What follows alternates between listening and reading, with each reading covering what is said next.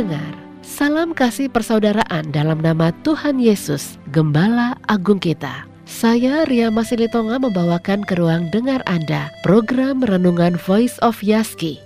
Program kebenaran yang menguatkan dan menghiburkan untuk Anda memulai hari ini dengan takut akan Tuhan.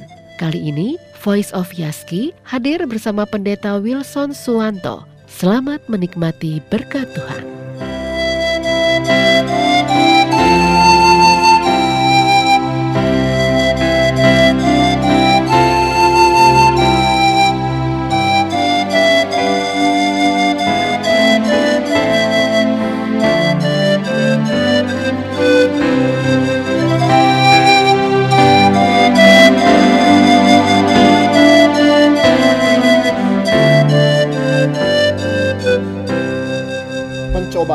Atau godaan adalah sebuah kata yang bersifat negatif.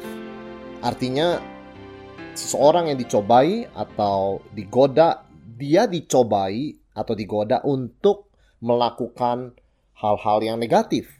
Sebagai contoh, digoda, dicobai untuk mencuri, digoda atau dicobai untuk berbohong. Intinya, di dalam pikiran kita, pencobaan itu berhubungan dengan hal-hal yang kelihatan berdosa dan buruk dan jelek atau bahkan bersifat kriminal.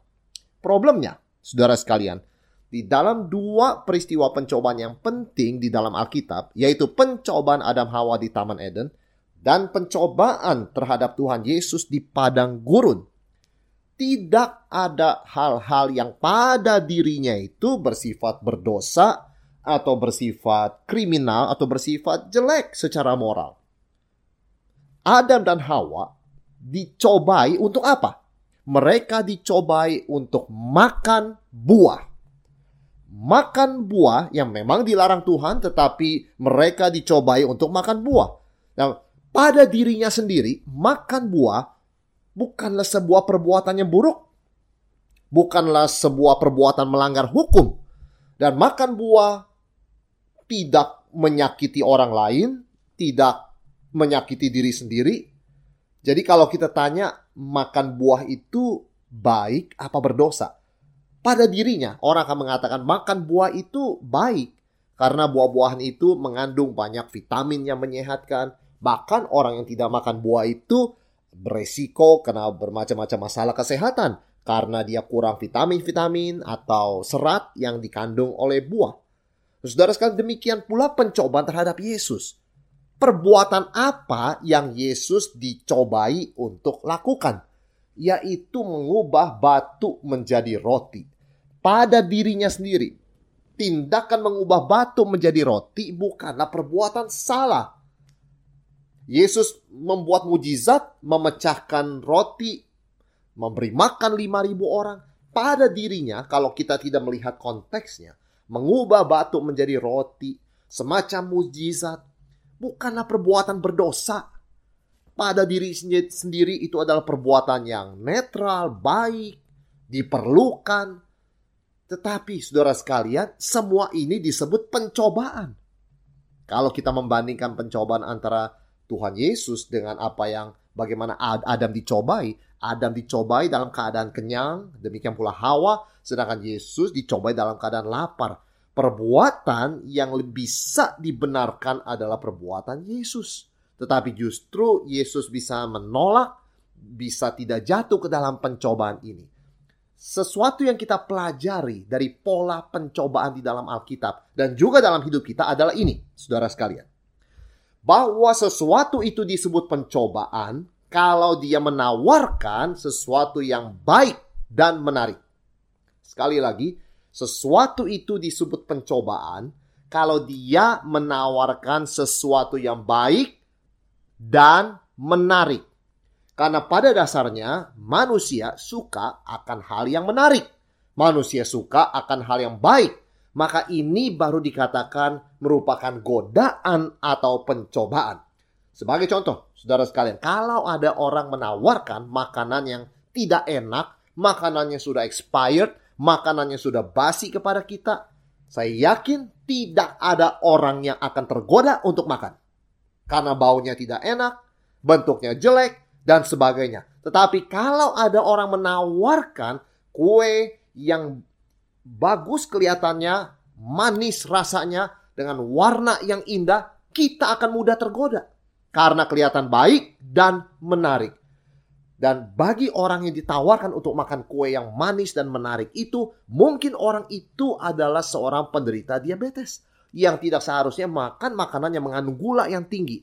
Tetapi bagi dia, makan kue demikian adalah sebuah pencobaan, sebuah godaan. Dan sekali lagi, pencobaan harus menawarkan sesuatu yang menarik dan baik untuk menggoda atau mencobai orang melakukannya. Jadi poin pertama adalah pencobaan itu kelihatan baik dan menarik. Mengapa orang bisa korupsi? Karena dalam pikiran mereka pada mulanya mereka mempunyai tujuan yang tanda kutip baik.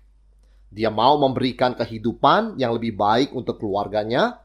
Dia mau menyekolahkan anaknya di sekolah yang bagus dan sekolah yang bagus itu cenderung mahal dia mau punya rumah yang lebih besar, sehingga anak-anaknya punya tempat bermain yang memadai, tempat belajar yang memadai, kehidupan yang memadai dan dan rumah yang luas. Semua pencobaan, semua kejatuhan mulai dari pencobaan. Pencobaan menawarkan sesuatu yang baik, bukan yang buruk. Pencobaan menawarkan sesuatu yang menarik, bukan yang tidak menarik. Iblis tidak menawarkan sesuatu yang buruk pada awalnya. Ini bukan cara kerjanya. Iblis selalu mulai dengan menawarkan yang baik, memperlihatkan sisi yang indah, ya, dan membuat sesuatu itu, membungkus sesuatu itu dengan bungkusan yang sangat menarik. Tetapi dia menyembunyikan durinya. Sehingga ada seorang teolog mengumpamakan pencobaan itu seperti sebuah umpan pancing yang kita gunakan untuk menangkap ikan. Tidak ada ikan yang tertarik dengan sebuah kawat besi yang bisa menusuknya. Bentuknya tidak menarik dan bukan makanan. Tetapi seekor ikan akan tertarik dengan makanan kesukaan yang ditancapkan pada besi itu dan besi itu disembunyikan oleh makanan yang menarik bagi ikan tersebut. Ketika ikan itu tertarik karena bentuknya menarik, baunya enak, dan ini seperti yang biasa dia makan, ketika ikan itu memakannya, barulah ketika dia memakannya, besi yang tajam itu menyangkut di mulutnya, menjerat dia, dan dia tertangkap oleh mata pancing itu. Ini yang disebut dengan godaan. Harus ada hal yang menarik. Harus ada hal yang tanda kutip baik. Baru bisa menggoda manusia. Kalau tidak ada hal yang baik, kalau tidak ada daya tariknya, tidak mungkin bisa menggoda atau mencobai seseorang. Bahkan sebagai contoh, dalam sebuah tindakan yang kita anggap tidak berperi kemanusiaan, seperti terorisme. Kalau seorang teroris ditanya, apa yang dia cari dengan melakukan tindakan yang tidak beradab itu? Mereka menjawab banyak mereka ingin keadilan. Apakah keadilan hal yang buruk? Sama sekali tidak. Ada lagi yang ditanya, mengapa engkau berani melakukan, merencanakan tindakan yang bisa membunuh banyak orang tidak bersalah? Karena saya rela berkorban. Apakah sacrifice atau jiwa berkorban itu kerelaan berkorban sesuatu yang buruk? Sama sekali tidak. Bukan hanya tidak buruk, bahkan semua ini adalah nilai-nilai yang sangat baik yang kita mau tanamkan di dalam diri anak-anak kita keadilan, pengorbanan. Siapa bisa menyalahkan justice? Siapa bilang tidak baik? Sacrifice, pengorbanan, sesuatu yang mulia. Tetapi iblis menggunakan daya tarik dan bungkus kata-kata seperti keadilan dan pengorbanan untuk menjerat manusia sehingga dia jatuh dan pada akhirnya melakukan tindakan yang melanggar hukum Tuhan dan tidak mengasihi Tuhan dan tidak mengasihi sesamanya. Dan semakin dia melakukannya, semakin dalam dia terjerat ke dalam dosa itu. Sifat yang kedua dari pencobaan bukan hanya dia harus kelihatan baik dan menarik, tetapi dia sering berganti nama untuk mempertahankan daya tarik dan sisi baiknya. Kalau seorang anak dilarang mamanya untuk minum soda dan dia tetap ingin minum soda, apa yang akan dia lakukan dan katakan? Dia akan membeli minuman yang bersifat soda, tetapi yang ada tulisan vitamin di bungkusnya, di, di depannya. Dan ketika mamanya bertanya, nak minuman apa itu? Air vitamin mah. Jelas-jelas itu adalah air soda, tetapi karena memang dicampur dengan vitamin, sehingga anak ini berkata air ini adalah air vitamin. Dengan kata lain, sesuatu pencobaan tetap bersifat pencobaan dan bersifat membawa orang ke dalam dosa sekalipun namanya atau mereknya diganti. Pencobaan itu tidak pernah berubah. Pencobaan itu produk lama.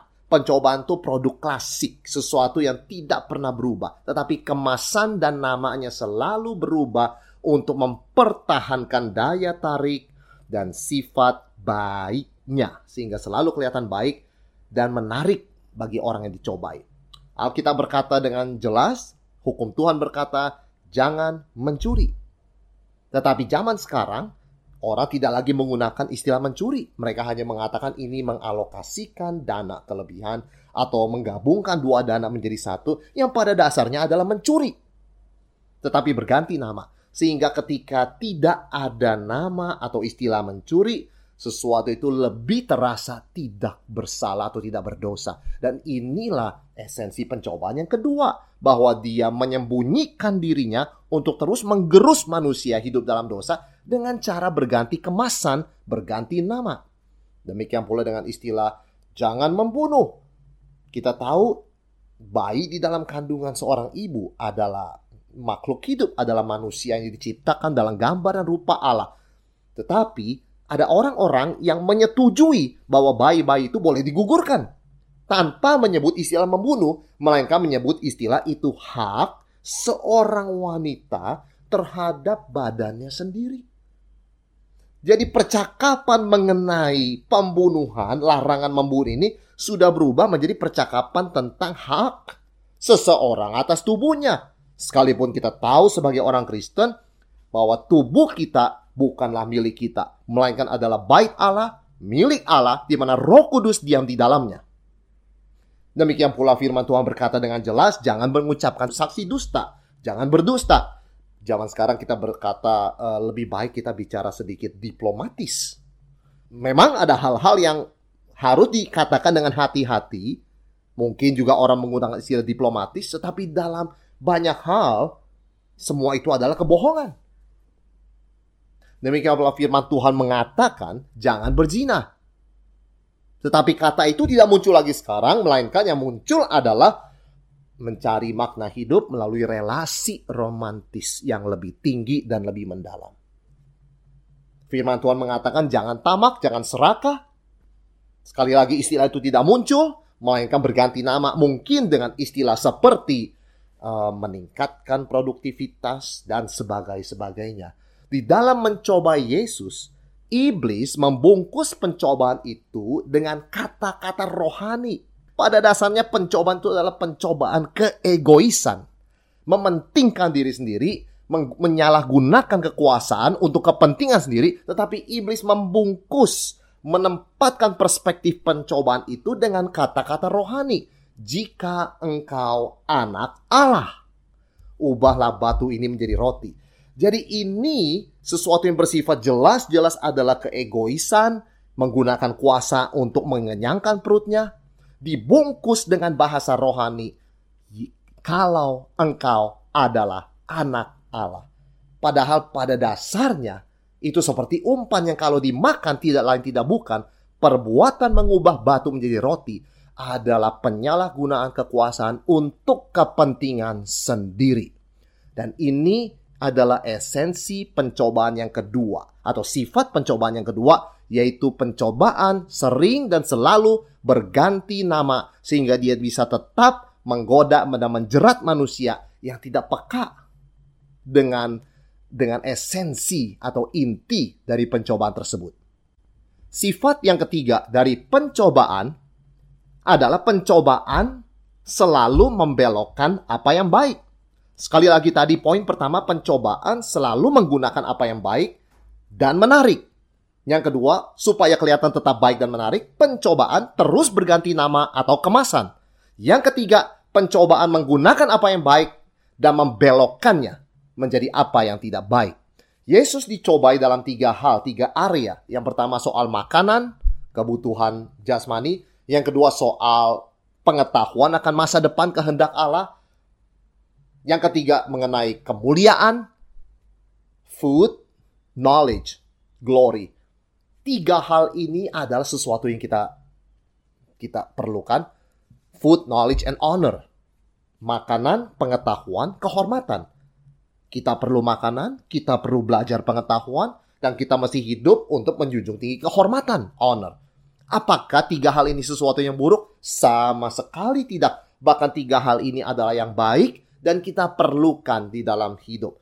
Tetapi menjadi sebuah pencobaan di tangan iblis ketika yang baik ini dibelokkan menjadi mempunyai tujuan yang tidak baik. Dan ada dua cara bagaimana iblis membelokkan apa yang baik pada dasarnya. Yang pertama, timing, yaitu waktu yang salah. Sesuatu yang baik, tetapi pada waktu yang salah menjadi tidak baik. Apakah Yesus sama sekali tidak boleh makan? Tidak. Dia boleh makan, tetapi setelah ujian ini selesai di padang gurun. Tidak mungkin Yesus tidak boleh makan. Dia juga 100% manusia seperti kita. Sekali, sekalipun dia adalah juga 100% Allah. Tetapi dia boleh makan setelah ujian selesai. Seorang murid boleh membaca catatannya tetapi dia tidak boleh melakukannya selama ujian. Ketika dia membaca catatannya selama waktu ujian, maka dia jatuh dalam kesalahan menyontek. Dia boleh baca catatan itu sebelum ujian dan sesudah ujian, tidak pada waktu mengerjakan ujian. Timing, sesuatu yang baik tetapi ditempatkan dalam waktu yang salah menjadi tidak baik, menjadi berdosa. Demikian pula, Tuhan menciptakan hubungan suami dan istri dalam ikatan pernikahan yang kudus. Seks itu kudus, sesuatu yang baik, yang adalah anugerah Tuhan yang boleh dinikmati oleh suami dan istri dalam ikatan pernikahan. Sepasang pemuda-pemudi yang sedang pacaran tidak bisa menikmati itu kecuali setelah mereka menikah tindakan hubungan suami istri, seks, yang dilakukan sebelum pernikahan atau di luar pernikahan adalah dosa. Itu disebut dengan istilah perjinahan, baik itu sebelum menikah maupun di luar pernikahan yang sah. Banyak hal itu baik, tetapi waktunya salah menjadi tidak baik, menjadi berdosa.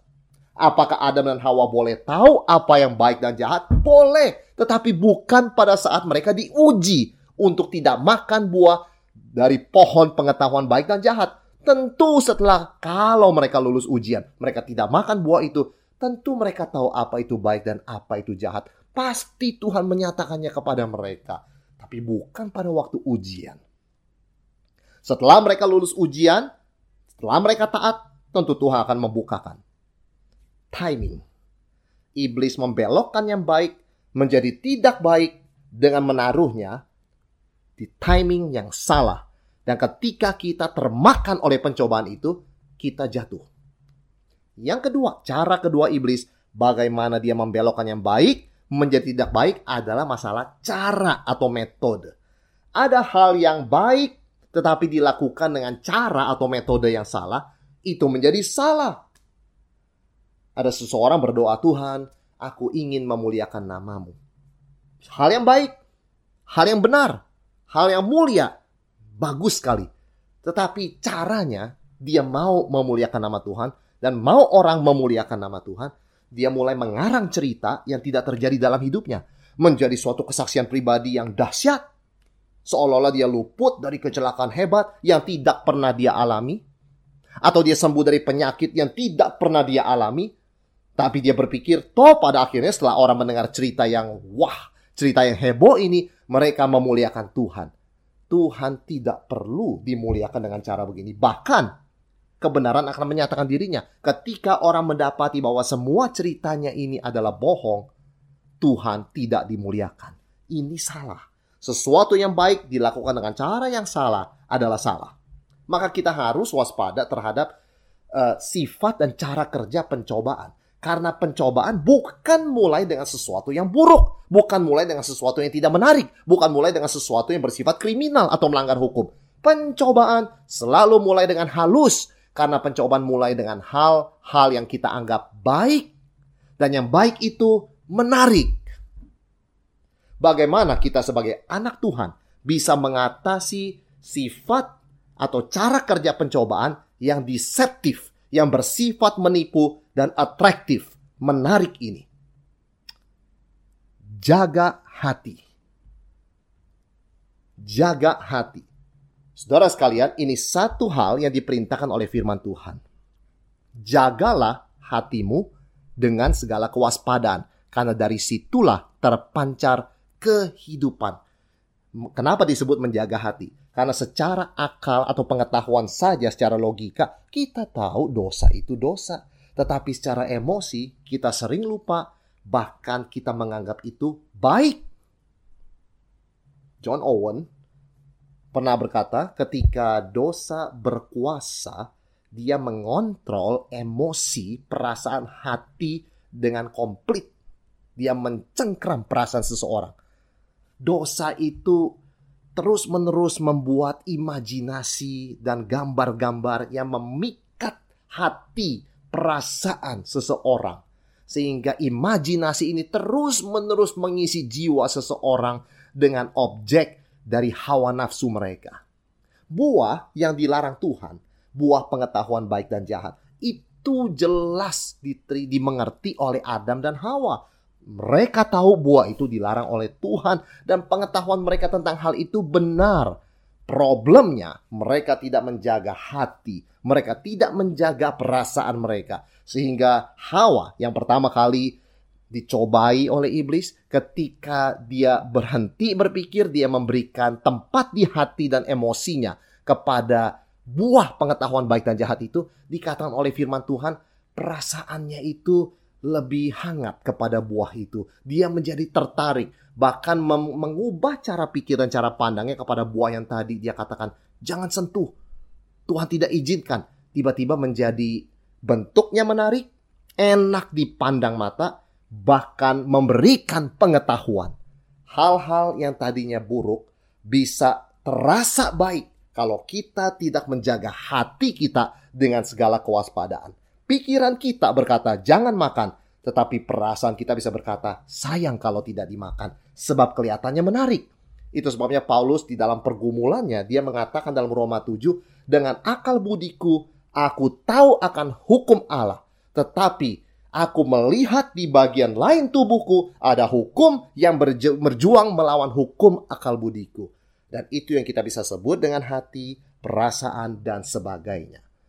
Pada titik itu, pikiran yang jernih yang sebenarnya tahu firman Tuhan itu berkata apa, boleh atau tidak boleh, menjadi takluk kepada perasaan. Dan pikiran bukannya menyetop perasaan agar jangan merasa tertarik, jangan merasa tergoda, pikiran malah mencari pembenaran atau menciptakan rasionalisasi untuk membenarkan nafsu itu, membenarkan perasaan tertarik dan tergoda itu. Sampai pikiran berkata, oh ternyata ada alasan juga, ada dasarnya juga, ada benarnya juga kalau kita melakukan apa yang tadi kita pikir dilarang itu. Maka di situ seperti Owen katakan, pikiran sudah berubah menjadi imajinasi. Pikiran itu kalau berfungsi dengan baik, dia berada dalam tatanan konsep dan kata-kata. Sebagai seorang Kristen, kata-kata dan konsep firman Tuhan. Tetapi ketika pikiran sudah berubah menjadi imajinasi, maka isinya cuma gambar-gambar. Saudara sekalian, pada saat itu kita harus harus waspada dengan benar Imajinasi bersifat liar dan tidak berdasarkan fakta. Dan di sinilah bagaimana pencobaan menangkap seseorang, yaitu dengan membuat hatinya atau perasaannya terpikat sehingga pikirannya tidak lagi mengkritik akan perasaan itu dan tidak lagi berdasarkan fakta yang dikatakan firman bah melihat bahwa dosa itu punya konsekuensi yang buruk, tapi pikiran itu menjadi tertidur diganti dengan imajinasi akan gambar-gambar dan imajinasi yang liar yang bersifat menarik dan menipu. Apa yang baik dibelokkan menjadi apa yang tidak baik. Apa yang buruk diganti nama supaya senantiasa kedengaran dan terlihat baik dan menarik. Sebab itu firman Tuhan berkata, jagalah hatimu dengan segala kewaspadaan dan jangan bersandar pada pengertianmu sendiri. Sikap Yesus adalah tunduk kepada Allah, tunduk kepada otoritas firman Allah. Yesus selalu berkata dalam pencobaan, melawan pencobaan di Matius yang tercatat dalam Matius 4, ada tertulis, ada tertulis, ada tertulis. Dan janji Tuhan di dalam Yakobus 4 ayat 7, karena itu tunduklah kepada Allah, yaitu kepada otoritas firman-Nya, dan lawanlah iblis, maka ia akan lari daripadamu. Bukan yang kita pikir saat itu, bukan yang kita rasa pada saat itu. Kalau kita bersandar pada pikiran perasaan kita, dengan mudahnya kita akan tertipu dan tergoda dan tertarik kepada pencobaan. Tapi apa yang firman Tuhan katakan dengan jelas setiap saat, Itulah dasar pijakan kita. Itulah kepada itulah kita menundukkan hati kita dan itulah rahasia kemenangan kita atas setiap pencobaan.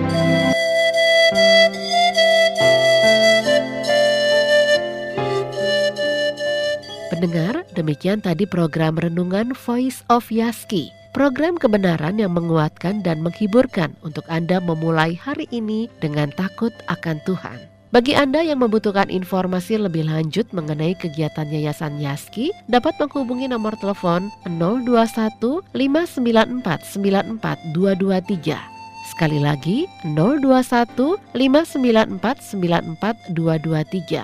Atau bagi Anda yang ingin mendukung pendanaan pelayanan Yayasan Yaski, kirimkan donasi Anda melalui nomor rekening BCA 372 301 6262 atas nama Yayasan Yaski. Sampai jumpa esok hari, Tuhan Yesus memberkati.